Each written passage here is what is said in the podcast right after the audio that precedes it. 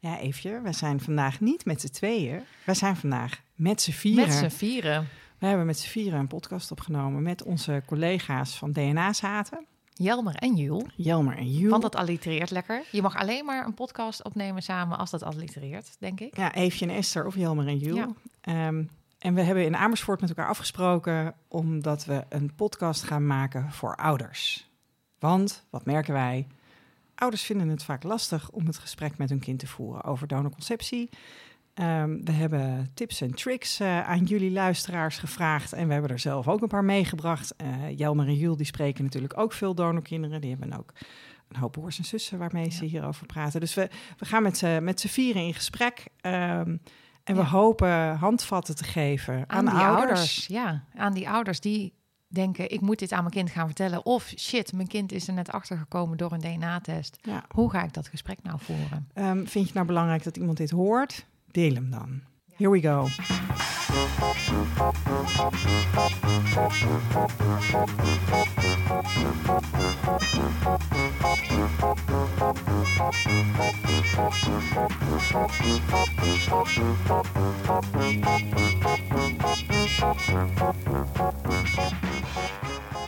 Eh, ontzettend eh, fijn dat we hier met z'n vieren aan tafel Ja, zitten. dat vind ik ook. Eefje Bijzonder. eh, en wij, Jules en ik, eh, Jelmer. Ik moest even nadenken hoe ik zelf weet. Wanneer zaten Het nou ook voor leuk het dat we allebei allitereren trouwens. Jules en Jan en Esther en Eefje. Nou, jeetje. Dat is Ja, dus een voorna- voorwaarde voor een succesvolle Ja, podcast. inderdaad. ja, ja, ja. Is dat je... met Jules had ik er niet aan kunnen beginnen. Nee, dat is niks geworden. Nee. Dit is een samenwerkingsproject tussen eh, eh, De Kwak Kwaakt en DNA Zaten. Eh, beide de, ja, donorkind podcast, donorconceptie podcast, Ja. podcasts over alles wat daarmee te maken heeft, denk ik, kunnen we zeggen. Zeker. Eh Esther en Eve, jullie zijn al wat langer al, al, this is not your first ro- rodeo, zeggen ze, zeggen ze dan. Inderdaad, ja. En eh, we hadden jullie op een gegeven moment gast in Ja. onze podcast. Toen jullie ons vertelden dat jullie ook Ja. een podcast gingen beginnen. Inderdaad, ja. En ik denk, hadden de hoe meer erover gesproken wordt. Want we hebben natuurlijk allebei heel erg onze eigen stijl. Dat is mij wel eh, duidelijk. Maar ik denk ook dat het goed is. Want ik denk dat sommige mensen jullie bijvoorbeeld iets makkelijker vinden om naar te luisteren dan Esther en mij. Omdat wij misschien iets korter door de bocht gaan. Meer uitgesproken. En Ja. eh, dus ik denk, dat het, ik denk dat het heel goed is dat Ja. we er allebei zijn. ja, denk ik ook. En, eh, en ook met een heel mooi gezamenlijk doel. Is dat handig om die doel, dat doel toe te lichten? Mhm. Ja, het was eigenlijk... eh ehm, wij, wij, wij- wij vonden het leuk om nog een keer een podcast met jullie te maken. Omdat jullie inderdaad bij ons te gast zijn geweest. En dat, dat was volgens mij van dat jaar was dat een van onze favoriete podcasts. We vonden het echt heel erg leuk. Ehm, en we zijn natuurlijk allebei, eh, doen we zaken met Viom. En wat is Vion nog even? Maar FIOM is, eh, eh, dat is zeg maar de, als je mijn definitie vraagt, dan is dat, oké, het expertisecentrum over donorconceptie. maar dat is dus de tent waar vanuit de overheid al het geld over donorconceptie naartoe gaat. Ehm, ze voeren op dit moment campagne. Die heet Nu het nog kan. En die is erop gericht dat ouders met hun kind in gesprek gaan. als ze nog niet verteld hebben dat het kind met donorconceptie verwekt is. Dat dat het kind van een donor is. Ehm, vroeger gaven artsen vaak de instructie mee. Heb het er niet over. Ehm, nou, inmiddels weten we beter. En ehm, het leek mij een heel mooi haakje, die campagne. Eh, en omdat we allebei ook sponsoring hebben ontvangen van FIOM, dat we. Eh, en omdat die, die campagne gewoon belangrijk is, dat we, dat, we, dat we daar een bijdrage aan leveren. door met elkaar in gesprek te gaan over ja, wat ouders nou ehm, moeten weten. Waarom ze in gesprek moeten gaan met hun kind. Gewoon even goed alle redenen nog eens eh, opzommen. En ook eh, tips, tricks, do's, don'ts te geven. Ehm, ja, hoe dan? Hoe voer je dat gesprek? Ja, want ik snap wel natuurlijk dat dat best wel ingewikkeld kan zijn als je heel lang geheim gehouden hebt. Misschien wel bijvoorbeeld 30 jaar. Ja, dat je er ook tegenop ziet van hoe begin ik er nou aan over en Ja. wat is dan het goede moment? Mhm. Ja, Welke doos van Pandora ga ik openen? Wat, wat komt er allemaal op me af? En hoe... eh, Ja. Dus daar eh, ja, gaan gaan we het over we. hebben. Ook, we kunnen wij een beetje handvaten geven. Nou, we Ja, hebben, een, een- we hebben en een mega strak eh, draaiboek. Daar ga ik proberen zo af en toe wat structuur in te houden. En we hebben ook, dat is heel leuk, we hebben een, een week geleden hebben we beide op onze so- social media de, de oproep gedaan. Willen jullie met ons meedenken? Wat zijn jullie ervaringen? of wat zijn jullie tips, do's en don'ts wat Ja. betreft het gesprek voeren over donor, donorconceptie? En daar is heel veel op gereageerd. Ja. Dus dat is super fijn. Ja, zowel meenemen. schriftelijk als eh, echt als spraakbericht. Dus we gaan van alles terug laten Ja, komen. dus het is een samenwerking tussen ons en een Alle luisteraar. luisteraars, ja. Ja, dus heel erg gaaf dat Ja. eh, men dat heeft En we zijn gedaan. natuurlijk zelf alle vier ook ervaringsdeskundigen Ja. Dus we hebben ook allemaal onze eigen We ervaring. schudden het en zo Ja, uit ja. onze mouwen perspectief op. natuurlijk. Weet je, en dat was voor dat mij is ook wel het haakje om met het onderwerp te komen. Omdat wij alle vier heel veel mensen spreken. Ja. Eh, jullie hebben sowieso al een, eh, eh, een enorme berg broers en zussen. Waar je, Ja. ja. een hele grote familie waar je natuurlijk waar dit onderwerp is. Jullie hebben in je podcast gesprekken. Ehm, nou ja, eh Evie en ik eh, eh, waren donor detectives. Eh, ik ben het nog. En, en ik zit ook achter de telefoon en de chat en de mail bij eh, Stichting Donorkind. Eh, samen met andere vrijwilligers. Dus er, ko- er komen gewoon, we zitten allemaal in de geheime groep van Stichting Donorkind, waar ontzettend veel ervaringsverhalen langskomen. Dus ik denk dat we best wel wat nuttigs eh, Mhm. te brengen hebben, zo met z'n vieren bij elkaar. Dat denk ik ook. Ook. Ja. We hadden bedacht om te beginnen eerst heel kort met namens onszelf, vanuit onszelf, een, een, nu alvast een soort korte do en een don't. Om Ja. alvast een beetje vooruit te blikken. We gaan het er langer over hebben, maar hier hebben we alvast eh, over nagedacht. Omdat we hier natuurlijk, ja, zoals je ook zegt, ook als onszelf zitten met onze eigen ervaringen. Even, jij stond bovenaan bij mij. Ik sta, ja, dat vind ik heel fijn om te horen, Jelmer, dat ik bovenaan sta bij jou. Ehm, een do en een don't uit mijn eigen ervaringen. Nou, wat ik vond dat mijn, ehm, want mijn moeder heeft het mij verteld, ehm, met mijn zus En wat ik vond dat zij heel goed heeft gedaan, is dat zij eh, nul restricties heeft gegeven over er wel of niet met anderen over mogen praten. Dus ik kreeg alle vrijheid. Dus ik ben meteen diezelfde middag naar een vriendin gegaan en meteen verteld. En, en ook, ze heeft ook nooit gezegd, ik denk dat ze inmiddels spijt van heeft, nu ik er een podcast over maak. Maar ze heeft dus nooit gezegd, maar dat vind ik dus wel heel goed. Want ik denk ook, het is ook mijn verhaal. Ja. Eh, en dat voelde ik toen natuurlijk niet zo, want ik was 15. Maar dat vind ik heel goed dat, dat ik daar vrijheid in heb gekregen.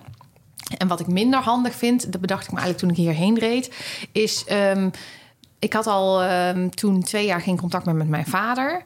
En zij heeft volgens mij hem opgebeld en gezegd dat ze dit ging doen. Maar ze heeft hem dus niet betrokken bij het vertellen. Terwijl er was misschien wel een mooi moment geweest... eigenlijk om contact te herstellen en te zeggen van... weet je, ik ben nog steeds je vader. En eh, in die zin verandert er niks. Dus dat vind ik dan wel, eh, denk ik... oh ja, dat zou wel een tip aan andere mensen zijn. Ehm, ja, doe het samen met degene met wie je ook ooit eh, de kinderen hebt gekregen. Want die hoort er ook bij. ja, ja, mooi. mooi. Ja. Jules? Ja, ik denk... ehm, mijn verhaal is natuurlijk van, eh, van deze vier mensen die hier aan tafel zitten... is mijn verhaal een beetje een uitzondering. Omdat ik de enige ben die het al zijn hele leven weet. Omdat ik met twee moeders ben opgegroeid. Dus dat is niet een moment van vertellen... Eh, tenminste, bij mij niet. Ik heb het gewoon altijd al geweten. En ik denk wat mijn ouders daarin heel goed hebben gedaan... is dat zij ehm, daar zelf ook vaak weer opnieuw over begonnen. Of als er in het nieuws iets was geweest over donorkinderen... of als in de krant iets stond, hadden ze dat uitgeknipt. Of zeiden ze, oh joh, nou, dat was op tv eh, iets. Of daar komt een tv-programma, dan kan je je vader eh, gaan zoeken. Wil je dat? Ehm, goh, is dit niet iets voor je? En dan reageerde ik steeds met... nee, hou er nou eens over op. Nee, is echt helemaal niet interessant. Want je was toen puber. Ja, nou, weet ik niet. Nee, ja, ik Of- vond het ook gewoon überhaupt niet zo boeiend eigenlijk. Totdat het hele balletje ging rollen dat, ik, eh, dat Jan Wildschut in het nieuws kwam. Tot die tijd had, was ik gewoon niet zo mee bezig. Maar eh, ik denk wel dat dat heel goed is. Het is niet alleen het vertellen zelf, maar het is ook er weer opnieuw over beginnen vanuit jou als ouder. Om in ieder geval even te peilen. Want misschien zat ik er wel heel erg mee. En dan hadden ze me dan de kans gegeven om het er, erover te hebben. Dus om dat steeds in elke levensfase en in, om zoveel tijd opnieuw weer even te peilen bij je kind. Van hoe, ehm, hoe sta je erin? Ik denk dat ze dat heel goed hebben gedaan. Ehm, de don't, of waar eh, ruimte voor verbetering was en is, Mooi gezegd. Ehm, is denk ik eh, al van jongs af aan.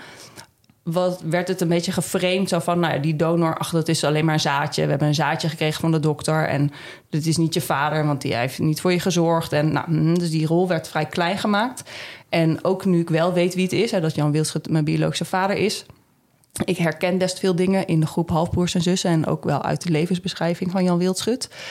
En ik heb het idee, maar goed, als ik dit aan ze vraag, dan zeggen ze nee, we vinden het helemaal niet moeilijk. Maar toch heb ik wel dat gevoel ehm, dat ze het moeilijk vinden als ik veel dingen toeschrijf aan die ehm, biologische band. Als ik dan echt, oh ja, dus dat komt dan echt daar vandaan. En dan eh, heb ik het gevoel dat mijn moeders liever denken: ja, maar dat komt toch ook door hoe we je hebben opgevoed? Of ja, maar dat komt toch ook door wat je hebt meegemaakt? Dus ze willen dat wat kleiner maken. En dat voelt soms voor mij een beetje alsof dat er dan niet helemaal mag zijn. Ehm, ja. Ja. dus dat. Mooi, mooi. Ja, mooi Ja. punt. Ja, dank je. Esther? Ja, ik heb ehm, in 2001 het gesprek met mijn ouders gevoerd. En ehm, mijn ouders waren niet van plan om het te vertellen, want die hadden inderdaad eh, de instructie gekregen om er niet over te praten. Maar er was een aanleiding. Iemand die het wist, dreigde mij te informeren. Ehm, en toen hebben ze met mij gesproken. En wat ik heel mooi vond aan dat gesprek was dat ze tegen mij ook hebben gezegd: eigenlijk een beetje hetzelfde wat jij zegt, Eefje. Ehm, van joh, weet je, dit was ons geheim, maar het is niet jouw geheim. Dus doe ermee wat je wil. Nou, dat vond ik heel fijn. Ehm, wat waar ik achteraf met, met misschien wat minder blij op terugkijk... dat is dat ik, ik ben met mijn vader naar de fotograaf gegaan. Want ik vond het heel erg dat mijn vader onvruchtbaar was. En weet je, ik was me heel erg bewust van de pijn van hun kinderloosheid. En ik ben dus met mijn vader naar de, naar de fotograaf gegaan. En als ik nu naar die foto kijk, dan denk ik van ja, dat is eigenlijk een beetje omgekeerde wereld. Mijn ouders hadden mij moeten bevestigen van er verandert niks, je bent gewoon ons kind. En de- de- de- ze hadden niet moeten toestaan dat ik dat ging doen. Dat is, dat, weet je, ik, en, en dat is dus iets om, om de- dat is dan meteen een doel. Wees je bewust van de loyaliteit van, Ja. eh, van je kind. Ja. ja, ging eigenlijk voor je ouders zorgen in plaats Ja, van dat zij jou ja. opvingen met het nieuws. Ja. Ja. Dit komt, dit komt zeker nog terug. We hebben nog meer, eh, eh, inderdaad, do's en die hier aan raken. Dus een hele rakende, denk ik. Zal ik maar afronden, dit Ja. rondje? Ik was als vierde, dus ik heb eigenlijk, moet ik jullie toekennen, eh, toegeven, nog iets anders be- be- bedacht bij mijn doel. Omdat ik als vierde was, Mag gewoon, het is van jou, Jelmer. Nou, het is jou. fijn. Jij bent de baas Ja. Ja, ja oh, wat fijn eigenlijk. Oh, ik ben de baas. Wat is lekker. Eh, ik had bij de doel had ik heb, heb vertrouwen. Ehm, en daarmee bedoel ik dat, ehm, nou ja, de- in die zin heeft het niet per se een hele positieve connotatie. Mijn ouders hebben 25, in mijn geval, en 27 jaar in het geval van mijn broer, gewacht met het vertellen, omdat er, omdat er angst was voor de effecten, de, de, gevolgen. En ik zou willen zeggen, heb vertrouwen. Niet zozeer, ik bedoel niet alles komt goed. Eh, niet zozeer heb vertrouwen, het, het wordt uiteindelijk fantastisch en iedereen valt elkaar in de armen. Nee, maar heb vertrouwen dat het echt altijd het beste is om eerlijk te zijn. Ook al doen de gevolgen pijn. Maar heb dat ver- vertrouwen dat dat echt beter is. Ja. Dat, dat, dat zou mijn doel zijn. En mijn don't, ehm, daar hebben we het binnen het gezin ook best wel over gehad. In de jaren nadat ze het aan mijn broer en mij hebben verteld. Ehm, ik, ik heb wel soms eh, het gevoel gehad dat ze eh, iets te veel hebben gedacht. Hè, nou is het verteld. Lekker. Ontspanning. Dus de, de last is van onze schouders. Dat was ook zo en dat snap ik heel goed. Maar die last ging daarna op, op- precies. op onze schouders. Ja. Voor hun was het opluchting, maar voor jullie begon het pas. Ja, Ja. ja, dus besef dat het gesprek pas net begonnen is. Ja. En dat het gesprek lang, langer kan duren dan een uurtje. Ja. Ja, en, en soms ook als jij er geen zin in hebt misschien. Ja, ja, Ja. Dat, dat, eh, ja, dat een beetje. Als we Nou, wel meteen doorpraten, maar Ja, dat komt al heel veel. de baas. Dus, Mag ik, eh, hè? Nou, eh, ja. moet, moet ik het rijboek eh, zeggen wat we nu zouden gaan doen? Ja. Ja? Want we hadden bedacht... ja, moet ik het even zeggen? Moet Ja. We hadden bedacht eh, dat we aan de hand van open vragen... open vraagwoorden eigenlijk de verschillende aspecten van het gesprek als gezin voeren met elkaar. Namelijk het waarom, het hoe, Ja. eh, het wat. Wat vertel je dan? Wanneer vertel je het? En wie kun je daarbij vragen om te helpen? Of wie kun je daarbij betrekken? En waar klop je aan voor hulp? Dat was een beetje zo'n. Ja. structuur die we bedacht Prachtig. hadden. Ja. Mooi bedacht. En, Dus en, geef me de vijf. ja, geef me. En dan gaan we dus niet alleen al het uur volmaken met eh, waarom. Nee, dat, Dat kan ik. Dat kan ik. dus daarom hadden we die, al- die al- als laatste moeten doen. Maar toch dachten we dat waarom moet misschien toch Nou, eerst maar waarom is wel Ja. gewoon belangrijk. Hè? Ja. Gewoon, Om mee te beginnen. Anders Ja. haken mensen al af. Omdat ze denken, ja, maar waarom? Ja. Waarom is ook het- niet belangrijk. Kunnen we- Ja. Wat niet weet, wat niet deert. Wie, wie, Oh ja. kan ik, wie kan ik het woord geven? Waarom is het nou echt weer belangrijk om dit gesprek, nu het nog Heel kan, graag iets over zeggen. te, Nou, te voeren? Ja? te springen. Ik Ga sta echt te gewoon- springen. gewoon. Nou, ik denk gewoon echt eh, dat het helemaal niet... eh, het geheim van de ouder is om te bewa- bewaren, zeg maar. Het is, het is niet van jou eigenlijk. En daar, dat is volgens mij reden één voor mij. Ehm, kijk, ik snap best, je krijgt een kind en dan denk je, ik krijg een baby. Maar Ja. die baby, eh, die is een, wordt op een gegeven moment een volwassen mens. En die is van zichzelf. Dus dan weet jij iets over die ander zijn privé-informatie... wat je dan niet gaat delen. Eh, dus daarom denk ik, het is helemaal niet aan jou als ouder... eigenlijk om het geheim te bewaren. En ik snap wel dat je ooit dacht als baby... en dan ga je ervoor zorgen en dan denk je... ja, en je hebt ooit misschien het advies gekregen... dat het een heel goed idee was... Maar eh, daarom denk ik, eh, het is niet van jou. Vertel het maar aan het kind. En die, en die zal er dan allemaal gevoelens bij krijgen. Maar die zijn dan ook van het kind. Ja. Ja. Nou ja, en daarbij misschien dus ook zie je het, het belang in dat het voor, voor, voor je kind kan hebben om dit te weten. Dus ook al ben je misschien, heb je misschien zelf de overtuiging, ja, maar diegenen doen er niet zoveel toe. Het gaat erom hoe, dat we onze kinderen altijd liefdevol hebben opgevoed. Ja. Oké, dat is jouw overtuiging. Ja. Maar daarmee, als je het niet vertelt, leg je die overtuiging ook meteen op aan je, je kind. Eh, terwijl die misschien wel de gelegenheid moet hebben om zelf te bepalen hoe belangrijk diegenen zijn. Ja. Diegenen zijn. Wie geen diegene. Onbekende, ja, mooie, mooie ja. Ja. woordspeling. ja, Ja. Hebben jullie iets aan het waarom toe te voegen? We hebben, we hebben wel een... heel veel. Ja? Ja, nou, Ja. nou, toch? De, redenen laten zijn eindeloos. rondje maken. Ja, Ja, graag. ja. Oh ja, dat is misschien een goed idee. Nou, kijk, als ik vanuit mijn expertise kijk. ehm vanuit bent de medische, Ja, je? precies. Vanuit de medische wereld. Denk ik, het is ook gewoon belangrijk om te weten wat er in je familie voorkomt en Ja. wat niet. Hoe vaak dat we niet op formulieren langskomt. Eh, ja, ja, nou inderdaad. Ja, vind je. Ik was van de zomer zelf nog bij de specialist in het ziekenhuis. En toen moest je, moest je invullen hoeveel broers en zussen je hebt. Toen toen, stond toen er... knakte eh, jij ja, je vingers vij- even. 35 zussen en, eh, en 29 broers of zo. En dan de datum erbij, want dat is, dat is vandaag. Ja. Ja. Ja, Morgen precies. is misschien weer misschien anders. anders. is ja. het meer. Ja. Maar goed, maar dat maakt natuurlijk wel uit. Ehm, en zeker omdat in de tijd, ehm, in de jaren 70, 80, 90, was er natuurlijk nog veel minder bekend over genetische eh, aandoeningen, over mutaties die van belang zijn. En daar zijn ook wel verhalen over van donorkinderen die erachter komen dat ze donorkind zijn, omdat ze een mutatie hebben en daarvan borstkanker hebben gekregen. Bijvoorbeeld. Ja, dat wil je natuurlijk gewoon weten, want dan kan je dat voor zijn. Ja. Ehm, Ja, deze raakt mij ook persoonlijk, want er zit bij ons zit, eh, het syndroom van Marfan in de familie. ja, En een broer van mij, die, eh, die heeft hersenschade. ja. Ehm, dus zijn halsslagader is geknapt op een gegeven moment. Ja, dan, en dan, dan hoor je het dus op die manier. Hè? Dan komen ze erachter dat er, dat er iets eh, mis is. Dat je ouders het niet hebben. Dan gaat er een balletje rollen. Ja. En je hebt liever niet dat dat de aanleiding is Nee. voor dat gesprek. Weet je, Nee. dat, kun je, dat kun je gewoon maar beter voor zijn. Ja, dit is een hele goede. absoluut. En eentje Ja. waar misschien niet iedereen meteen aan denkt. Maar het is een hele mooie om die wel inderdaad even te benoemen. Ja. Mhm. Ja. Ties, voorzitter van Stichting Donorkind. Toch? Hij is toch voorzitter? Dat zeg ik toch goed? Ja, gelukkig. Ja, Tien punten voor jou, Jelmer. ik, zit, ik zit nu naast iemand hè, van, eh, van, van, van Stichting. Dus ik vind het opeens ben al niet heel spannend. Maar goed, Ties eh, heeft voor ons ook iets ingesproken wat gaat over dit belang, het waarom. Als voorzitter van Stichting Donorkind en als donorkind zelf weet ik hoe belangrijk het is geweest in mijn leven dat mijn ouders dit altijd aan me hebben verteld. Als donor, die ooit heeft gedoneerd, vind ik het superbelangrijk dat mijn donorkinderen de kans krijgen om elkaar te ontmoeten en ook de kans hebben om eventueel mij op te zoeken. En dat kan alleen maar als ouders het vertellen. Dus ik roep je op, vertel het. Maar nu moeten we allemaal wachten tot Jules de Donor No. Nee, Joel mag gewoon nog Ben niet zo- praten. van wie heb je dat perfectionisme eigenlijk? Ja, eh, dat weet ik eigenlijk ook niet. En moet, moet ik vooral ook nog ben bij kijken. ben je misofoon? Dat Nee, is dus...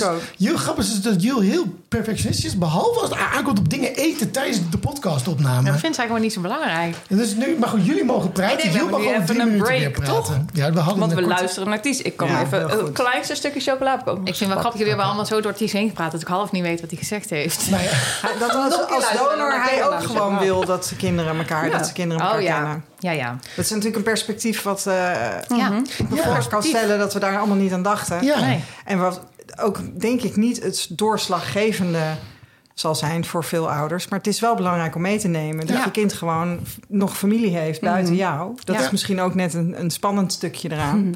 Weet je, voor mij is een hele belangrijke...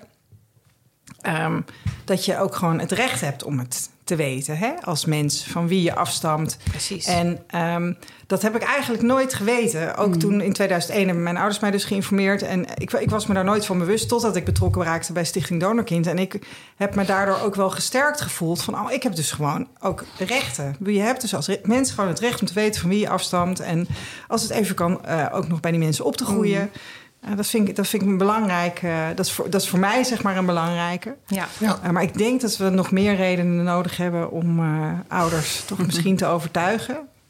Want als je er zo lang niet over praat. Ja. Ehm Jelmer, wil jij een, eh, een duit in het zakje doen? Nog een, een, een, een waarom nog? Ja, een reden om het te vertellen? Ehm, ik denk, nou, ik, ik vond het heel mooi dat mijn ouders zeiden: ja, wij hebben in ons, ons gezin nooit geheimen voor elkaar gehad. En dit was er Ja. wel in. En dat zat ons dwars. Dus het, het is ook gewoon je principe, je overtuiging om geen geheimen binnen je, je familie te hebben. Eh, Ja. dus voeg dan de daad ook bij het, het woord en, en, en zorg dat dat geheim er niet meer is.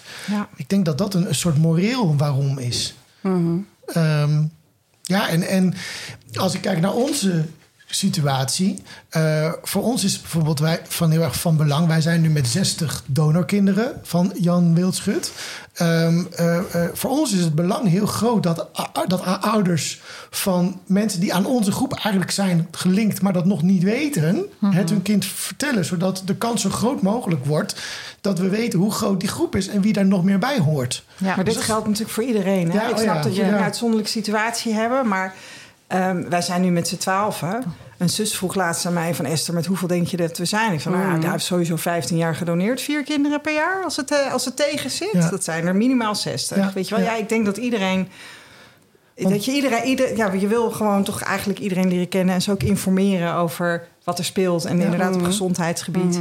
Want hoe goed zo- zijn jullie eh, op de hoogte van de cijfers? Ik dacht dat volgens mij iets van 8 op de 10 donorkinderen in, in, eh, in Nederland nog steeds niet weten dat Nee, ze donorkind klopt. zijn. Klopt. Maar ja, dat is allemaal schatting, hè? Want, Ja. want niemand, Niemand weet, weet hoeveel, er donorkinderen. Nee. Maar- En, en je kan niet aan mensen vragen. We- weet jij niet dat jij... do- Nee. Ja, Neem dan ja, dus moeilijk onderzoek is dit. Ben je donorkind? Nee, weet je het zeker? Ja, Heb je al een DNA-test gedaan? DNA-test doen. Ja, Eh, ja. Help, help mee om het niet weten zo klein mogelijk te maken. Ja, Dat nou en ook voor eh, eh, het risico op incest natuurlijk. Hè? Want jullie zijn met z'n zestigen, maar jullie krijgen, hè, sommige mensen van jullie groep krijgen misschien weer kinderen. Zeker. Ja, gemiddeld eh, twee. En daar heb je toch nog, heb je... ja, dan heb je toch nog weer meer kans op aandoeningen als die neven en nichten met elkaar in, eh, een kinderen beetje in dezelfde regio allemaal wonen Ja. toevallig. Ja. En ik denk nog los van dat, maar eh, ik, wat ik terughoor in een heleboel verhalen... en wat ik zelf merk, nu ik weet wie mijn eh, donorvader is... dat dat zoveel antwoorden geeft, zoveel puzzelstukjes op zijn plek... en zoveel dingen waar je denkt, oh, dus nu snap ik waarom dit of waarom dat. Dus ook dat ehm, is denk ik een heel belangrijke reden om je kind te vertellen. Want dan krijgt je kind ook de kans om dat te gaan onderzoeken... en om die antwoorden te vinden. Ja. Ja. ja, en je hebt, eh, je hebt toch eh, ook bij mensen die zich melden bij Stichting Donorkind... en die erachter komen dat ze donorkind zijn... dat ze vaak toch ook een nieuw niet-pluisgevoel hadden. Hè? Dat er... Dat er eh, Maar zo'n niet-pluisgevoel is ook niet prettig. Dus ne- ne- neem dat niet-pluisgevoel bij je kind gewoon weg. Vertel de want, waarheid. want dat is natuurlijk een beetje wat kinderen doen. Op het moment dat je merkt, hm, er klopt iets niet... dan ga je dat altijd op jezelf betrekken. En denk, nou, dat zal wel aan mij liggen. Ik pas niet zo goed in dit gezin. Of ik pas niet in deze familie. Er is iets mis met mij. En als je dan 30 jaar later hoort... je bent een donorkind en je hebt een andere biologische vader... ja, dat kan dan zoveel verklaren. Dat is eigenlijk zonde dat je daar dan al die tijd mee rond hebt gelopen. Ja. Ja. En je kan als ouder wel denken... nee, maar mijn kind heeft dat nooit tegen mij gezegd... dus die heeft geen niet-pluisgevoel. Maar ik heb bijvoorbeeld nooit gezegd tegen mijn ouders... want ik dacht... Ik voelde gewoon wel dat het... Ja, dat ging je niet zeggen. Dat Nee. je dacht dat je vader je vader niet was. Dat was voor mij echt geen optie, zeg maar. Ik denk dat wij mensen voldoende over het waarom hebben. Maar mag, mag, ik, mag, ik, mag ik dan... eh, daarna moeten we door, Esther. Ja, Daarna nee, dat moeten we begrijp ik. Nou, er zijn, ik, wil, ik wil nog wel heel even aandacht besteden aan... de manier, weet je, dat er heel veel manieren zijn om hier op dit moment achter te komen. Ja, Ja. ja. En oh ja, dat is eh, je hoort eh, kinderen eh, die in biologielessen al gehoord hebben en denken... En, dan, en tientallen jaren rondlopen zonder dat ze durven vragen... waarom zij in een familie met blauwe ogen toch de enige zijn met bruine ogen. Ja. Ehm, er zijn dronken tantes. Eh, weet je, een geheim is niet altijd helemaal geheim. Er zijn dronken Eh, tantes. Die zijn nou, er. Ja, is- serieus, ja. die zijn er. En die willen ook nog wel eens eh, vroeging hebben laat op een, op een feestje. Dus eh, Ja. weet je, het, ja... Ehm, het Ja. kan ook nog ge- ge- gebeuren dat de dokter in het nieuws komt. Ja, dat dus Eh, ja, weet je, dat is dan in, in, in jullie geval natuurlijk aan de orde geweest. Nou, dan moet je, dan moet je eigenlijk ook. Dan, weet je, er kunnen allerlei externe factoren zijn waardoor je dus Ja. in gesprek moet met je kind. En ik denk- DNA-testen. Ja, ik wou net zeggen, dat is natuurlijk helemaal up and coming de laatste jaren. Ja. Alle MyHeritage, eh 23andMe en 36 euro nu. Ja. Vorige Doe ze vooral, doe ze 33. vooral, want ik zoek nog nieuwe familie. Ja, ja. Nou ja, ja, nee, maar dat Ja. is er wel eentje. Weet je, dat, dat, dat is de, de, de belangrijkste reden dat de mensen er nu achter komen dat ze Ja. donorkind zijn, is omdat ze voor de een testje doen. En niet e- mensen van mijn generatie niet eens altijd de donorkinderen, maar ook hun kinderen kunnen weer een testje doen, weet je wel. Dus Ja. Jouw kind kan nog eh, eh, jarenlang Ja. erachter komen. En ehm, één ding, dit wil je echt van je ouders horen. En dat is echt heel belangrijk. Dit Ja. wil je van je ouders horen. Ja. Dus ga in gesprek. En het liefst niet omdat je ouders in de hoek gedreven zijn door die dronken tante of de DNA-test, maar het Nee. liefst omdat je Wees ouders besluiten: hé, hey, wij gaan onze verantwoordelijkheid nemen en wij Ja. gaan dit delen. Ja. Dit slotakkoord moest erbij. Nou, Daar houden jullie helemaal dat. gelijk in. Maar nu gaan we wel door. Heerlijk. Ja? ja? Lekker strak, Jelmer. Oké, want we hebben mensen nu dan hopelijk ervan overtuigd dat ze denken: oké, jullie hebben gelijk, ik moet het inderdaad gaan vertellen. Wanneer ga ik dat doen? Dat is denk ik een, een, een, een, vraag waar veel mensen in de basis nu mee zitten. Eh, is het mooi, je gaf het al, al, al net aan, is het dus mooi misschien om eerst even naar een eh, bijdrage te luisteren van een van onze ja, luisteraars? heel goed. En dat is Anne, Anne Schrijvers. Ver- was fertiliteitscounselor bij een groot academisch ziekenhuis. Is inmiddels voor zichzelf begonnen. En eh, ehm, ehm, heeft ervaring met, met mensen begeleiden bij het voeren van dit soort gesprekken. Hi Esther, Eefje, Jelmer en Jul. De tip die ik wensouders wil meegeven is om vanaf het allereerste moment je kind te vertellen over de hulp die jij of jullie hebben gehad van de donor. En op het allereerste moment, dan bedoel ik eigenlijk het moment dat je ontdekt dat je zwanger bent. Vanaf dat moment al zo'n, nou, één keer in de maand, één keer in de zoveel weken te gaan zitten en te zeggen: Ik, wij hebben hulp gehad van een donor om jou te kunnen krijgen. En daar zijn we heel blij mee. De donor is ook heel blij dat je bij ons geboren gaat worden. En ehm, wij vinden het ontzettend. Wij zijn ontzettend blij dat wij je papa en mama kunnen zijn. Dat wij je mama's kunnen zijn, dat ik je mama kan zijn. En doordat vanaf het allereerste mo- moment te benoemen, komt er eigenlijk nooit een moment waarop het kind het niet weet. En zo kun je het onderdeel maken van, ehm, van het verhaal van je kind. Wat ik ook merk is dat sommige ouders het voornemen hebben om een kind over de donor te vertellen, maar dat ze dit nog niet hebben gedaan omdat ze het gewoon ontzettend spannend vinden. Wat ook heel normaal is. Maar wat, ja, wat vervelend kan worden als je er een paar jaar verder bent en je hebt het kind nog steeds niet verteld over de donor. Dan lijkt er soms geen enkel goed moment te komen om er wel voor het allereerst over te beginnen. Dus als je nou merkt dat je daar tegenaan loopt, dan kan het soms heel zinvol zijn om daar wat hulp bij te zoeken. En om met een, een gespecialiseerde counselor te gaan kijken naar ehm, ehm, ja, hoe kunnen we dat nou gaan vertellen. En wat past nou bij ons? En hoe vinden we dat ook om, dat, om daarover te gaan praten? Dus daar hulp bij zoeken, dat kan soms heel zinvol zijn. Mooi punt van eh, Anna. En ik denk dat het nog belangrijk is om daarbij te zeggen dat, eh, dat iedereen daar natuurlijk zijn eigen woorden, want zij, hè, zij noemt bepaalde voorbeelden, maar, maar dat je het erover hebt, Ja. denk ik. Ja. En heel mooi, ja, we, we grapten in de voorbespreking al een beetje... wa- wanneer is nou het juiste moment? Nou, eh, gisteren. 40 jaar geleden. Ja. ja. nee, dat kan natuurlijk niet. Dus Nee. Maar dat, dat punt is eigenlijk van doe het gewoon zo snel mogelijk. Ja. Ga, Ja. dat, ga dat gesprek zo Ja. snel mogelijk aan.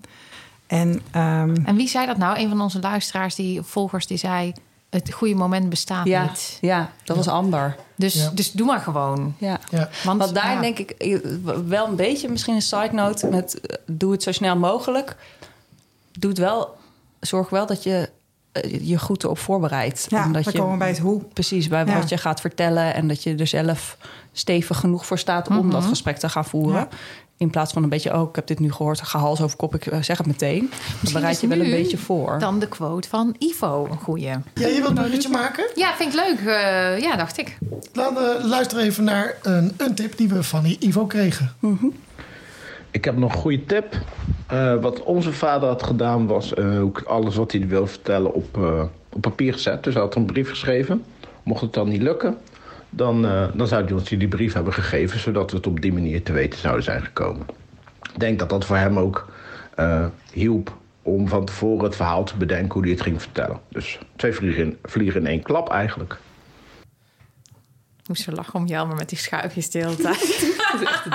Normaal zit ik zo. Ja. niet zo, maar toch. Ja, ja, ja, wel als collega montage, technische mensen zitten behoorlijk naar elkaar te kijken. Ik, ik, zit ook gewoon te ontspannen, Jelmer, want ik hoef dus niks te doen. heel maar dankzij jou, dankzij jou heb ik nu de skill geleerd om de geluidsfragmenten die we laten horen in te, in te knippen al in het in de opnames. Dat is weer, dus we hebben heel veel aan elkaar toegevoegd. Maar uh, ik vond het mooi, want Ivo heeft een heel praktische tip. Ja, ja, die uh, heel onverwacht wel uh, inderdaad heel goed zou kunnen, kunnen werken, denk ik. Waar je nu al mee aan de slag kan. Ja. schrijf het op. En sowieso, als je als voorbereiding hè, voor het gesprek. precies, want als je dingen opschrijft, dan denk je er meteen even over na van hoe vertel ik het. En dan schrijf je het op en denk je, oh nee, dat, is, kan ik beter weglaten. Mm, nou, goed. Mm. Ja. Dit heeft ook nog met het wat zo meteen te maken hoor. Want het, het, wat, wat vertel je, de woorden die je kiest, dat is met opschrijven ook. Daar kun je goed over nadenken. Dat is ook wel waarom ik het echt zou, zou, aanraden om dat sowieso te doen, denk ik. Mm -hmm. Ja, nou en weet je wat belangrijk is, is als je dat gesprek gaat voeren. Uh, er zitten voor veel ouders, uh, zeker hetero koppels, weet je, er zit, er zitten natuurlijk er zit pijn onder. Hè? Uh, mensen waren onvruchtbaar. Um, um, dus dat betekent dat je niet alleen je kind gaat vertellen uh, dat, je, dat het donorkind is, maar ook dat die onvruchtbaarheid aan het licht komt. Dat je over je eigen pijn. Mm -hmm. Ja, dat je met je eigen pijn geconfronteerd wordt. Het is belangrijk om die pijn niet bij je kinderen neer te leggen, maar om daar zelf steun bij mm -hmm. te zoeken. Mm -hmm. Dus als je merkt dat je het lastig vindt, schakel je vrienden in. Uh, ga naar iemand toe waar je je veilig bij voelt en, en, en organiseer steun um, bij het vertellen. Ja. Dat heeft ook weer raakvlakken met het wie en wat. Wie, wie helpt, wie schakel je in, wat, wat, welke, oh nee, het waar, waar ja. zoek je die hulp? Dus daar komen we ook nog straks op. Want ik denk dat bijvoorbeeld organisaties zoals Stichting Donorkind en FIOM, uh, het, het Landelijk Informatiepunt ja. Donorconceptie, die kunnen daar ook denk ik heel veel in betekenen. Ja. Doen dat al. Ja. Dus en weet ook, wat het gevolg is als je het niet doet. Want kinderen zijn uh, super sensitief volwassen kinderen ook nog, zeg maar, en loyaal. Dus dan gaan zij voor je zorgen. Terwijl. Het is juist de bedoeling, er wordt hun iets heftigs verteld. Uh, nee, dat, dat dan voor het raakt heel erg een beetje aan jou doont, Esther. Dat je als ouder moet je zorgen dat jij ergens anders steun vindt voor je pijn en je verdriet. En dat jouw kind jou dat niet hoeft te geven. En dat uh, kregen we ook wel in een aantal mooie reacties van uh, luisteraars via Instagram. Die zeiden inderdaad het moment van vertellen het gesprek. Het gaat om jouw kind. En jouw emoties, die zijn er wel, maar die doen er op dat moment gek genoeg even niet toe. Want het gaat nu om dat kind die je iets vertelt. En uh, dus zorg ervoor dat je daarin stevig genoeg staat om er dan ook voor dat kind te kunnen zijn. Op ja, ja. kind of volwassene ja. is het meestal. Ja, dat kan je volwassen maar, kind zijn. Precies. Ja.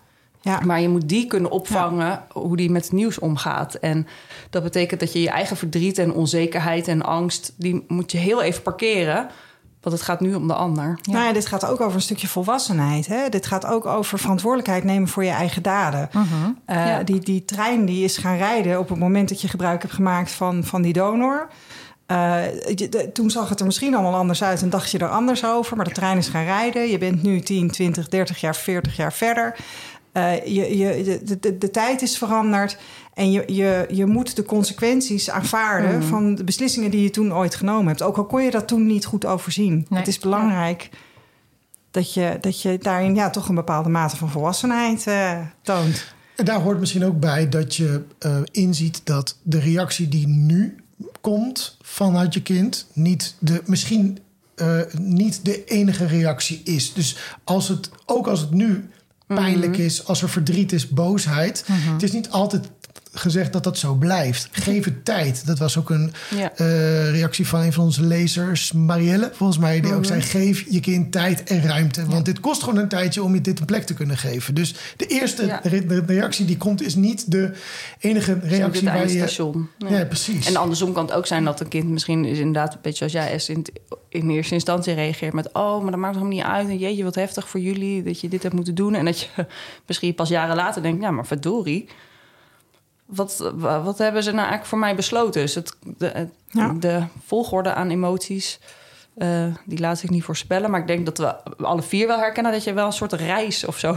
doormaakt van jemig. Ja. Ja, en ik geloof zelf, en dat is misschien best wel veel gevraagd voor ouders, maar ik geloof dus heel erg dat als je die gevoelens van je kind kan erkennen, hè, dat iemand boos mag zijn of verdrietig. Ja, niet om, om een soort sneltreinvaart hier weer aan te willen geven, maar ik geloof wel, als het Ja. er mag zijn, dan lost het ook op een gegeven Ja. moment op. Ja. En als je gevoelens van boosheid er niet mogen zijn, ik heb het zelf ervaren. Alles wat je onderdrukt. dat- Ja, dat, dan, dan blijft het er gewoon heel lang. En, en niet dat jij alles voor je kind hoeft op te lossen, helemaal niet. Maar je kan je kind wel helpen door te erkennen van ja, ik heb die keuze gemaakt. Maar ja, ik snap dat jij daar je eigen gevoelens bij hebt. En, Ja. eh, dus dat zou, dat zou ik eigenlijk nog wel willen meegeven. Ja. Ja, dat denk ik ook. Dat het een Wat, je, wat jij is. zegt, eh eh, Jules, over dat het een reis is, dat vind ik echt een hele herkenbare.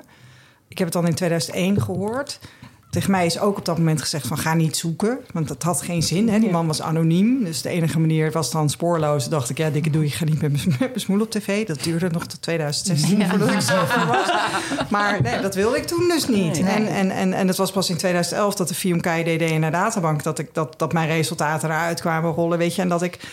ehm, eh, dat ik toen dus eigenlijk wel op zoek wilde naar familie. Maar ik heb heel lang gedacht van nee, ik, ik heb een vader. Dus, dus ja, geef, geef ook de ruimte aan, aan dat het zich ontwikkelt. Hè? En dat, dat, dat, je, dat, dat je kind er vandaag zo, zus over kan denken en, en morgen zo. Ja. ja. Ja. Waarom- En heel mooi, Esther, dat jij refereert aan de film DNA Databank. Want dat was nog een tip van Rosa. Die zegt, als je dat dan dit gesprek eh, aangaat... bied dan ook meteen je hulp aan met als je eh, verder wil zoeken... naar wie je biologische familie is, dan gaan we je daarbij helpen. Ja. En dat kan emotionele steun zijn in de zoektocht... of kan bijvoorbeeld de financiële kosten. De FIOM is dan toevallig gratis... maar wil je ook in de eh, commerciële DNA-databanken... dat ze op die manier ondersteunen. Ja. En wat voor ouders misschien helpend kan zijn, is waar wij eh, eh, het in onze podcast vaak over hebben, maar ik heb het bij jullie ook gehoord, dat eh, een kind kan best twee vaders Ja. hebben en twee Ja. moeders en drie moeders. Ja. Of ehm, er is ruimte voor meer mensen. Dus je Precies. hoeft niet te denken van, oh, maar als ik niet de biologische vader ben, dan ben ik geen vader meer. Hè, misschien helpt dat wel met dat je het makkelijker kan vertellen. Je bent nog steeds vader. Eh, al, hè, als je er was in, tijdens de opvoeding. Er hoeft Eh, geen concurrentie te zijn. Nee, want kinderen die, die- wij Mag, hebben ik, mag allemaal ik een voorbeeld noemen wat Ja. alle ouders waarschijnlijk begrijpen? In ieder geval ouders van meer kinderen. Ehm, ik ben zelf moeder, ik heb twee dochters. En, en dan wordt die eerste geboren. Nou, daar heb ik zo'n grote liefde voor gevoeld. Ik kon me niet voorstellen dat ik ooit nog zoveel van iemand zou houden. Vervolgens wordt er een tweede kindje geboren. En het is niet zo dat die liefde gehalveerd, gehalveerd wordt. Zeg maar. Nee, jongen, dat, dat groeit alleen maar. En dat, is, dat is exact wat er gebeurt op het moment dat je meer ouders of meer broers en zussen. Of weet je, als je, als je meer familie krijgt, daar is gewoon ruimte voor. Je liefde Ja. is eindeloos groot en is een magische vermenigvuldiging. Ja. Het, ik vond het wel mooi, want eigenlijk het woord, het woord vader is dan een beetje gevallen. En dat als, als we de overstap maken naar het wat. Wat vertel je nou eigenlijk? Welke woorden eh, kies je? Wij kregen van een van onze, een van, van onze halfzussen, Rut... kregen wij bij een, een don't, bij een don't heel duidelijk eh, een reactie. Namelijk een don't, wat, wat haar betreft, is zeggen dat je niet de vader bent tijdens het, het gesprek. Dat vonden we interessant, want dat Ja. gaat dus om welke woorden je kiest. Ja. Want met zo'n uitspraak zeg je eigenlijk... Ik, ik, we hebben gedefinieerd wat volgens ons vader is. Eh, terwijl de, je, je kind moet dat zelf gaan, gaan uitzoeken. Eh, Ja. Zeg ik dat goed? Eh, Ik Ja, denk dat je het mee explicieter kan maken nog. lucht, ligt hem het, Rut ligt het zelf verder niet toe. Maar ik kan me zelfs nog voorstellen... als je aan tafel zit en je vader zegt... ik ben je vader niet... dat het ook nog als een soort afwijzing kan voelen. Van Ja. ik wil jouw vader niet zijn of zo. Of ik ben jouw vader helemaal niet. Ja. Dat En je dit soort heeft van inderdaad met die definitie gedumpt te door je vader wordt. Ehm, dus ik zou inderdaad die woorden Ja. niet... eh Maar ik ben niet je biologische vader, is dan... is alweer heel Ja. anders. Ja, Ja. ja. ja. Ik ben wel je vader, maar Ja. je hebt niet mijn genen. Ja, en ehm, ik weet niet hoe vaak jullie dat hebben gehoord, maar ik eigenlijk geloof ik nooit dat iemand zei: Nou, mijn eh, vader en moeder vertelden het. En eh, nou, daarna was mijn vader mijn vader niet meer. Hè? Nee. Je vader heeft je ook erkend, dus wettelijk Ja. gezien is die ook je vader. Ja, Dus ehm, je, hoeft ook, je hoeft het ook niet te zeggen, want het is ook niet zo. nee. Nee. Nee, wat het op de lange termijn eh, betekent, is ook heel moeilijk te zeggen op dat moment. Het is wel zo dat wij verschillende mensen ook al hebben gesproken... waar uiteindelijk de band met de vader... maar die was dan vaak al niet goed. En dan daardoor verklaarde het, verklaarde het iets. Soms zorgde dat ervoor, hé, hey, er, is- er is wederzijds begrip. Want hé, hey, wij hebben niet een, een genetische link met elkaar. eh, maar dat verklaart het wel. En nu kunnen we eigenlijk beter met elkaar omgaan. En soms was het ook een bevestiging van... oké, maar die, misschien is die afstand ook wel goed. Ja. En, en dat kan beide. Maar denk Ja. niet dat het op dat moment al te definiëren is. Nee, precies. Hey, we hadden ook een tip van eh, eh, een orthopedagoog. Ehm, en eh, dat ging dan meer over het vertellen van je jonge kind. En daar werd echt, zij gaf ook echt een concrete tip van... ehm, eh, je kunt met jonge kinderen bespreken dat papa en mama hulp hebben gehad van de dokter... en dat er zaadjes nodig zijn om kindertjes te krijgen... en dat papa's zaadjes stuk waren. En dat ze toen de zaadjes van iemand anders hebben gebruikt. Weet je, even als hele concrete, praktische... omdat er vast ook ouders van jongere donorkinderen luisteren. Ook al Ja. woorden geef je eraan. Ja, wat Ja. wel leuk is, dat ik heb, sorry eh, Jel, Ja, maar twee, twee reacties van, eh, van eh, donorkinderen die orthopedagoog zijn. Dat is een hele mooie combinatie. Hè? Dus hele waardevolle informatie van eh, mensen die zowel ervaringsdeskundig zijn als, eh, Professional. als professional. Ja. En ik denk wat, wat eh, als ik dan zelf nog iets mag toevoegen, wat, wat bij mij bij het wat, welke woorden kies je, wat vertel je, zou ik ook geneigd zijn om te zeggen: hou het alsjeblieft bij de kern. Eh, dus ga niet te veel je eigen interpretatie Mhm. toelaten. Als in, maar wij vinden het ook dat het allemaal wel meevalt hoor. Want het gaat Ja, om opvoeding, et cetera. En zo kun je opeens jezelf een horen praten. Ja. Ja. Maar doorpraten. Ja. Ja. En dat je denkt: doe dat nou niet. Laat mij dit zelf uitzoeken. Ja, weet je, Ja. en, en dan is misschien wel een goede tip dat we een link delen naar de bullshit bingo. de donorkind bullshit bingo. Want dan kun, je, dan kun je de bullshit bingo kijken of je die kan mijden. Ja, dat is heel veel doods op eigenlijk, hè? Nou ja, daar staan eigenlijk inderdaad best wel wat dingen op die, je misschien, die misschien wat onhandig zijn om in dat gesprek Ja, eh, dat linkje vind je in de show notes. Ja, dat kunnen we Ja. wel. Ja, en maar ik denk ook dat daarbij de woor- woorden heel precies komen. Hè? Want ik kan me wel, volgens mij zeiden mijn ouders ook, dat vond ik dus heel mooi. Die zeiden, ja, voor onze, be- be- be- onze beleving maakte het niet uit. Maar het was onze, be- onze be- be- beleving. En Ja. Ja. Die, dat verschil mag, moet je volgens mij wel, er- wel erkennen. Ja, en niet bij jezelf als een houden. feit. Ja. Ja. Ja. Ja. Ja, voor jouw kind mag dat helemaal anders zijn. Ja. Ja, ik vond het heel grappig dat Ivo bijvoorbeeld zei... en ook nog iemand anders zag ik het net eh, een quote staan... eh, die zei eigenlijk, de do is vertellen en de don't is niet vertellen. Ja, ja, ja. Simpeler kunnen we het eigenlijk niet maken. Dan hadden we deze pod- Ja. podcast ook in 10 seconden kunnen, Ja, kunnen inderdaad. maar- Hadden we echt heel kort kunnen zijn een keer. Ja, Eh, we zijn toegekomen, als jullie het goed vinden. Jazeker. Eh, bij de laatste twee die we een beetje aan elkaar hebben gekoppeld, namelijk het wie en het waar. Eh, en, en, en, en daarmee bedoelen we wie kunnen je nou hierbij eh, eh, helpen of adviseren? En waar kun je terecht voor hulp of advies? We dachten die twee hebben we wel. Want Heel ja, belangrijk. waar wil je het ver- vertellen qua locatie? Vind ik een beetje lastig om daar een advies over te geven. Nou, niet in een Toch? café. Niet nou ja, je- nee, dat is misschien niet handig. Nou, trouwens, nu ik het zeg, dan doen we heel Ja, grappig over. zijn Maar wel- eigenlijk, er zijn ja. wel voorbeelden hoe je Ja. dat niet moet doen. Ik weet ook Over de telefoon. Ja, over de doen. telefoon. Eh, ik, heb, ik, heb, eh, eh, ik ken iemand die vond na het overlijden een brief in de tas Ja. van haar moeder. Ehm, Nou, dat is ook, weet je, dat is heel verdrietig. Eh, doe dat niet. Hè, zorg, nee, maar ook, ook Nee. mensen die dus in de papieren van hun ouders dingen vinden. Hè, op het moment dat er ouders overleden Ja. zijn en dat er toch ergens nog een rekening eh, van, eh, van de arts zit. Of informatie over een behandeling. ouders mogen gewoon pas sterven als ze het verteld hebben. En voor die tijd ga je niet Petrus ze niet eh, door de hemelpoort. Nee. Ik zie dat, al, dat, dat gesprek al ja, voor, voor me. Dat zegt, en? Daar, vertel. Niet. Terug jij. Ja. Ben je mal. Dan Terug. word je dus onsterfelijk als je het niet vertelt. Ja. Even. Dat is eigenlijk een soort Ja. beloning. Ja, inderdaad. Moet dat We, we wijken een beetje heel af. oud Oké, een dan. slecht advies. Ik, probeer, ik probeer jullie weer terug te krijgen naar het draaiboek. Oké. Ehm, ja, ik had een belangrijke die volgens mij, die, tenminste die bij mijn lijstje bovenaan stond bij het wie en het waar. Dat zijn, we hebben ze al even genoemd. En er zijn een aantal partijen die eh, hierin in gespecialiseerd zijn en die je hierin van advies kunnen voorzien. Eh, St- Stichting Donorkind noemden we al, al even. Ja. Eh, Esther, misschien voor wie die stichting nog niet zo goed kent. Wat, eh, wat is de geschiedenis? Wat, wat hebben jullie gedaan? Wat doen jullie? Wil je de geschiedenis weten? Luister naar eh, episode 4 van eh, De Kwak Is het Kwaak. vier? Is het? Ja? Volgens mij wel. Oh, scherp, scherp. Ehm, Ja. Nee, Stichting Donorkind eh, eh, komt op voor de belangen van donorkinderen. Ehm, ieder mens heeft het recht om te weten van wie die afstamt. En ehm, de Stichting Donorkind maakt zich daar hard voor. Eh, dat doen we met behulp van lotgenotencontact. Dus dat betekent dat we mensen eh, bij elkaar brengen. Dat doen we zowel online als, eh, als fysiek. Dus we organiseren ontmoetingsdagen. Er is een geheime Facebookgroep waarin donorkinderen ervaringen kunnen uitwisselen. Eh, belangenbehartiging is een belangrijk stuk. Dus wij praten in Den Haag. Wij zitten hè, aan tafel op die plekken waar we, waar we moeten zijn om de belangen van donorkinderen te vertegenwoordigen. En wij eh, geven zoekhulp. Dus wij helpen mensen concreet om eh, familie te vinden. Eh, we wijzen je de weg en, ehm, en, en, en, we- en we, we, we, we helpen ook zoeken. Ja. Dus ehm, dat zijn eigenlijk de drie pijlers van de stichting.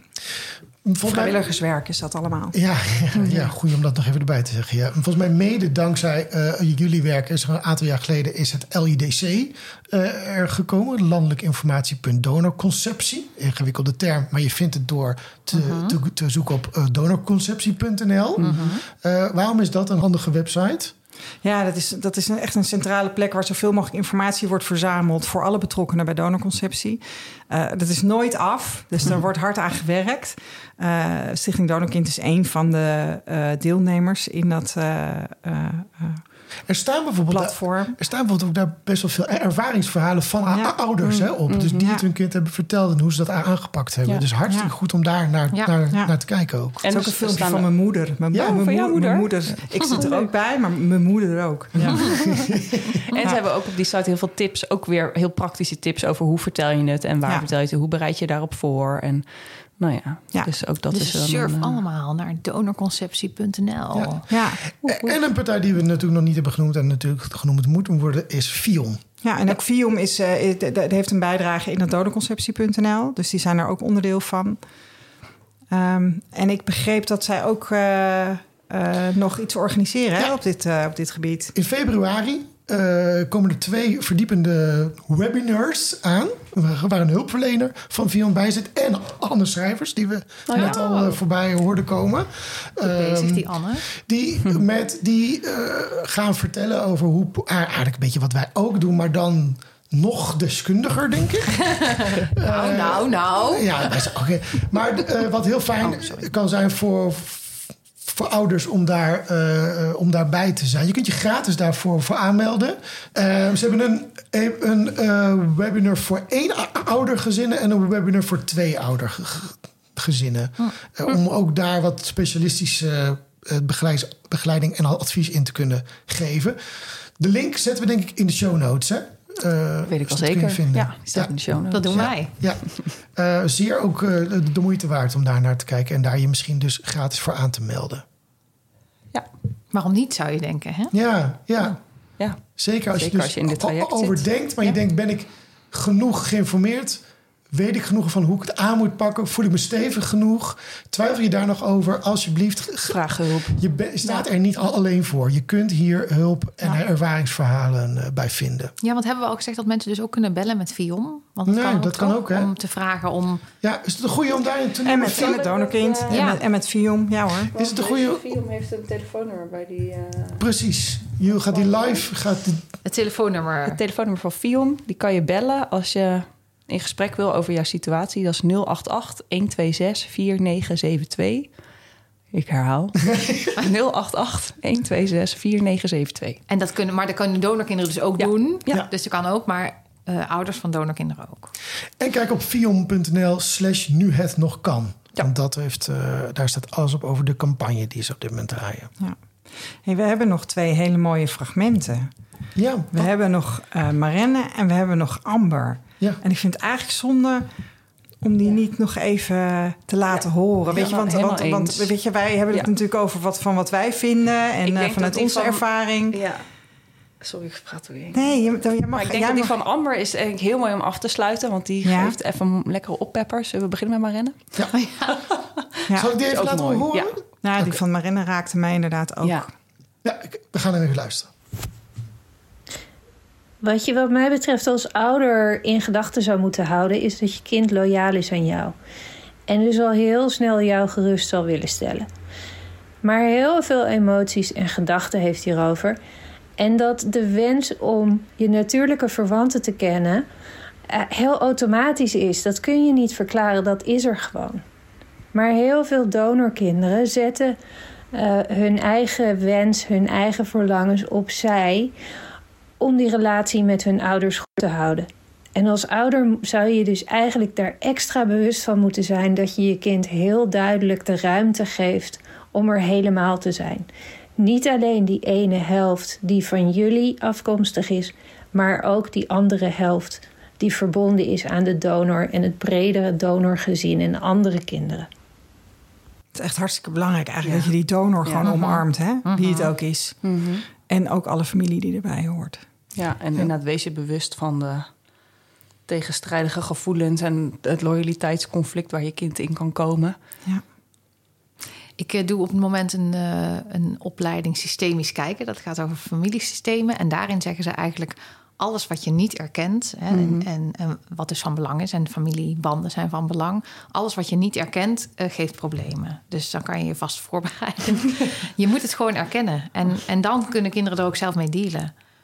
Maar als het er niet mag zijn, eh, of je ontkent het, hè, stel je vertelt het niet, dan eh, geeft dat gewoon problemen. Moet je gewoon niet doen. Alles mag er zijn. En in familieverband is dat ook een hele mooie, wetende dat de timing waar, eh, waar wanneer deze podcast online komt, eh, dat is Ja. een beetje toeval, maar misschien ook wel, dachten we allemaal, best wel mooi. Want wij donorkinderen noemen volgens mij altijd de kerstperiode eh, sibling season. Mag ik dat zeggen zo? Ja, mag jij En zeggen. waarom, waarom noemen we dat zo? Wie kan hem uitleggen? Dat, Nou, ik heb te weinig ervaring mee, dus ik laat het aan jullie. Nou, je ziet meestal na de feestdagen zie je een piekje in ehm, het aantal eh, halfbroers en zussen eh, die wij erbij krijgen in onze groep, maar ook überhaupt in donorkindland. De matches die er dan eh, eh, gevonden worden, nieuwe halfbroers en zussen die zich aandienen, maar ook kinderen die er dan achter komen. Dat heeft vooral te maken met de commerciële DNA-testen. Ehm, die je eh, als kerstcadeau krijgt, bijvoorbeeld. Of Ja. omdat kerst het moment is waarop ouders denken: Nou, en nu moeten we Ja. eh, dit is een, een goed moment om eh, eens om tafel te gaan zitten en het hierover te hebben. Nou, ik denk dat dat inderdaad een hele mooie handreiking is. Dat je in de kerstvakantie ontstaat misschien wel ruimte om Ja. dit gesprek te gaan voeren. Dan hopen we dat we daar een klein steentje aan bij hebben mogen dragen eh, middels deze podcast. Zeker, Ja. ja. En, en ik wil ook graag een broer of zus. Dus het lijkt mij handig dat de, de ouders van mijn broers en zussen... even hiermee aan de slag gaan. Ja. Zodat ik na sibling season ook een nieuwe sibling heb. Ook dat lijkt sibling heel gezellig. Want ja, jullie zitten op, op 60 Ja, en, en counting. Wil je er een paar? En ze zitten- wat zeg je? Er weer er een paar van ons. Ja, dat is waar. werkt dat niet zo? Nee, dat werkt niet zo. Wel de leuke. Nee, eh, en Esther zit op 12, geloof ik. Hè? Ja, wij zijn met z'n twaalf. En, Ja. ja. En ik ben met z'n tweeën. Ja. Ja, dat Dat is niet helemaal eerlijk Nee, eigenlijk. vind ik een beetje Nee, oneerlijk dus verdeeld. Oké, de belangrijkste reden om met je kind in gesprek te gaan... is is, dat dat, Eefje- heel graag nog meer broers en zussen wil. We Inderdaad. Gunnen, we gunnen het je ook. Een, Ja. eh, een halfboer of halfzus onder de kerstboom. Die Nou. ligt. Toch? Dat is de kerstboom. Ja, pak papier. Ja, in, Ja. in pak papier het liefst. Lijkt me fantastisch. Ja. Maar in het zoeken naar het goede moment besef je dan denk ik ook het volgende wat Amber ons daar nog over mee wil geven. Mijn belangrijkste tip aan ouders met jonge donorkinderen is: oefen al met praten over de donorconceptie vanaf de geboorte. Zelfs al begrijpt je kind het nog niet. Het wordt je zo eigen en dan ontstaat er ook geen geheim. Blijf daarna regelmatig over de donor die geholpen heeft praten en stem het ook af op de leeftijd van het kind. Daarbij kun je bijvoorbeeld ook boekjes gebruiken. Twijfel vooral niet, vertel het zo vroeg mogelijk. En mijn belangrijkste tip aan ouders met volwassen donorkinderen die het nog moeten gaan vertellen is: wacht vooral niet tot het juiste moment, want dat juiste moment bestaat niet. Vertel het je kind en doe het zo direct mogelijk zonder veel omwentelingen. Sta daarna ook open voor de reacties en vragen van je kind en die kunnen zeer uiteenlopend zijn. Erken ze en toon begrip. Zorg dat je er voor je kind bent en zet voor dit moment jouw eigen emoties omtrent het onderwerp opzij. Deze kun je met jouw eigen nabije omgeving bespreken of op een later moment misschien ook al met je kind. Zet hem op. Ja, Wat een ontzettend mooi, veelomvattend berichtje, ja, denk ik. ja, dat denk ik ook. Ja, en ik kan me ook voorstellen dat mensen denken: wat is het goede moment? Maar het goede moment is er dus uh, is er misschien nooit. Dus ja, daar kan je ook niet daarom. op wachten. Daarom doen we even een hartje naar Amber voor deze mooie... Oh ja. Dankjewel, Amber. Dankjewel, Amber. Mooi Heel mooi. Nou, en sowieso alle reacties, hè? Ja. Super fijn dat jullie eh, met ons mee hebben gedacht. Ja, heel mooi. Waardevol. En waardevol om hier met z'n vieren aan tafel Ja, eh, denk te het ook. zitten. Zeker. Ja, mooi dat we dit hebben kunnen doen samen. Zijn er nog hele grote eieren die we niet hebben gelegd? Die nog... eh Paas- nog Paaseieren. kerst, kerstkransjes. Ja, ik, heb nog, dat, ik weet niet of, eh, of, je, of, of we dat uiteindelijk eh, erin willen. Maar ik wil nog wel een schot voor de boeg doen hoor. Ehm, want ehm, dit is meer even van, met elkaar van gedachten wisselen. Van, weet, je, vaak houdt angst houdt mensen tegen. Hè? En eh, dan heb ik wel eens geleerd om ook te denken van... nou, wat is nou het ergste dat er kan gebeuren? Wat is het ergste dat er kan gebeuren? Ehm, Best wel erge dingen, denk ik. nou ja, ik denk dat je, nee, je kind kan boos zijn. Ja, Ehm, hè? Of, of, of, of, of, of heel erg schrikken. Ehm, ik weet niet, we- kunnen jullie uit de praktijk... we- we- we- Weet je, wat, wat, wat gebeurt er bij mensen? Ja, Ik zie in het begin voornamelijk die loyaliteit. Het is vaak Ja. dat door de tijd heen... dat er andere emoties komen kijken. Maar het begint vaak ook met, met, Ja. met verdriet... Om, de, om het verdriet van de ouders. Ehm, weet je, de... de Ja, ik denk het doemscenario is natuurlijk dat het kind zegt... oh, ik ben zo kwaad, ik wil geen contact meer met jullie... en dat je het contact verliest. Ehm, maar daarin is dan denk ik ook weer belangrijk om te onthouden... het is een reis en dat is niet meteen het eindstation. En dat kan ook weer veranderen. Ja. En als je maar de ruimte houdt... dat je snapt dat die boosheid er misschien ook is... dat dat hopelijk dan op termijn je ook weer dichter bij elkaar brengt. ik hoor dat ook niet zo vaak. Dat het is omdat... Ik hoor meer dat, dat kinderen merken dat ze bijvoorbeeld niet met hun ouder over kunnen hebben. Ik heb Ja. natuurlijk zelf ervaren dat mijn moeder het heel irritant vindt als ik het erover heb. En ik ben heel erg hiermee bezig. Ja. Dus dan is het heel moeilijk met elkaar. En, en eh, zij vo- voelde zich ook heel erg beschuldigd. Dat is misschien ook nog wel iets, hè? Dat ehm, mijn emoties zijn van mij. Dus als ik boos ben, ja, dan, dan kan je je wel beschuldigd voelen, maar daar help je ook niemand mee. En als je wel verantwoordelijkheid neemt van ja, ik heb deze keuze eenmaal gemaakt, maar jij mag daar je eigen gevoelens over hebben. En ik hou dat dat- verschrikkelijk veel van je. En dat Precies. verandert niet. Nee, precies. En, dan- en dat helpt denk ik heel erg door je kind toch die ruimte te geven. Ehm, dus ik denk meer dat, dat, eh, dat contact verbreken, daar zijn mensen misschien bang voor. Maar volgens mij, ja, als je begrip voor elkaar kan hebben. Ja. Heel veel donorkinderen, hebben jullie dat niet die je hoort? Die zeggen van ja, maar ik snap het wel van mijn ouders. En eh, Ja, de dokter de zei ook dat het een goed Ja. idee was. en, eh, ja, en, en wat ik bijvoorbeeld bij mijn moeder merk, misschien is dat nog een goed voorbeeld, en anders knippen jullie het maar uit. Ehm, ik heb bijvoorbeeld het gevoel dat ik wel begrip heb voor haar keuze, maar toch er boze gevoelens over heb of dat ik het niet mee eens ben. Maar voor mijn gevoel staat dat los van elkaar. Dat ik Dat denk, mag er ook allebei zijn. ja, precies. En dat ik Ja. wel voel van, ja, ik snap dat jij toen niet verteld hebt, want de arts zei dat en de arts stond op een voetstuk. Ja, maar ik dat, en dat van. leek een goed idee. Ja. Ehm, maar ik ben het er niet mee eens. Ik vind dat het anders had gemoeten. En voor mijn gevoel zijn dat twee losse dingen. En mijn moeder kan dat eigenlijk niet zo goed horen. Dus misschien is dat nog een tip aan ouders. Ja, eigenlijk, ja, wat ik al eerder zei, dat de emoties van het kind zijn van zichzelf, wat hij ervan vindt. Ehm, maar als je je verantwoordelijkheid neemt, dan, ja, dan geef je wel zoveel erkenning. Dat, ja, ik, ik zou me daar heel erg gedragen door voelen, denk ik. Ja, en ik denk, weet je, wat ik, wat ik vaak hoor is eerder ehm, dat ouders heel erg schrikken als kinderen erachter komen, bijvoorbeeld met zo'n DNA-testje, dat ze dichtklappen, boos worden, weet je. Eh, dat is wat je kan gebeuren als je niet zelf de regie neemt. Ja. Dus dan kun je volgens mij beter de regie nemen en met de consequenties dealen, Ja, ehm, dan dat het helemaal buiten je eigen invloedssfeer ligt. Ja, absoluut. ja.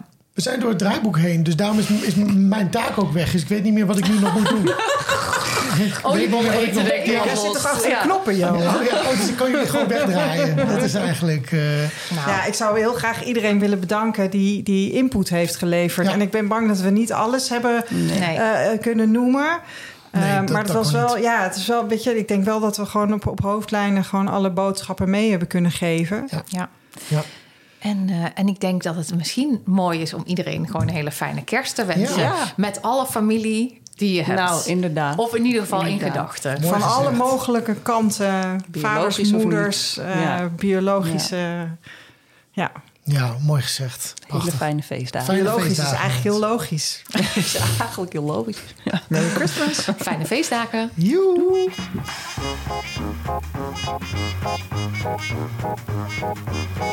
Nou, dat was leuk, hè? Nou, dat was echt heel bijzonder, toch? Ja, en we dat was hebben, echt heel was- leuk. ik- we hebben een persbericht en daar staat in dat dit een eenmalig unieke samenwerking is. Ja. Maar aan het, We eind hadden, niks.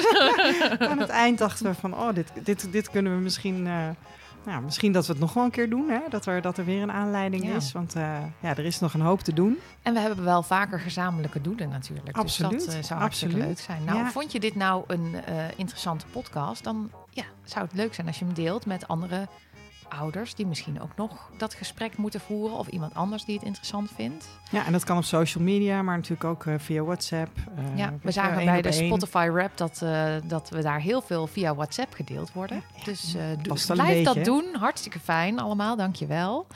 Heb je nou nog vragen aan ons over deze podcast of iets heel anders? Mail dan naar dekwakkwaakt.gmail.com. Of, zoals heel veel andere mensen doen, stuur ons een berichtje via Insta, @dekwakkwaakt. Onze muziek is Speak Easy van Shane Ivers en die vind je op www.silvermansound.com. En dan wensen we jullie allemaal hele fijne kerstdagen.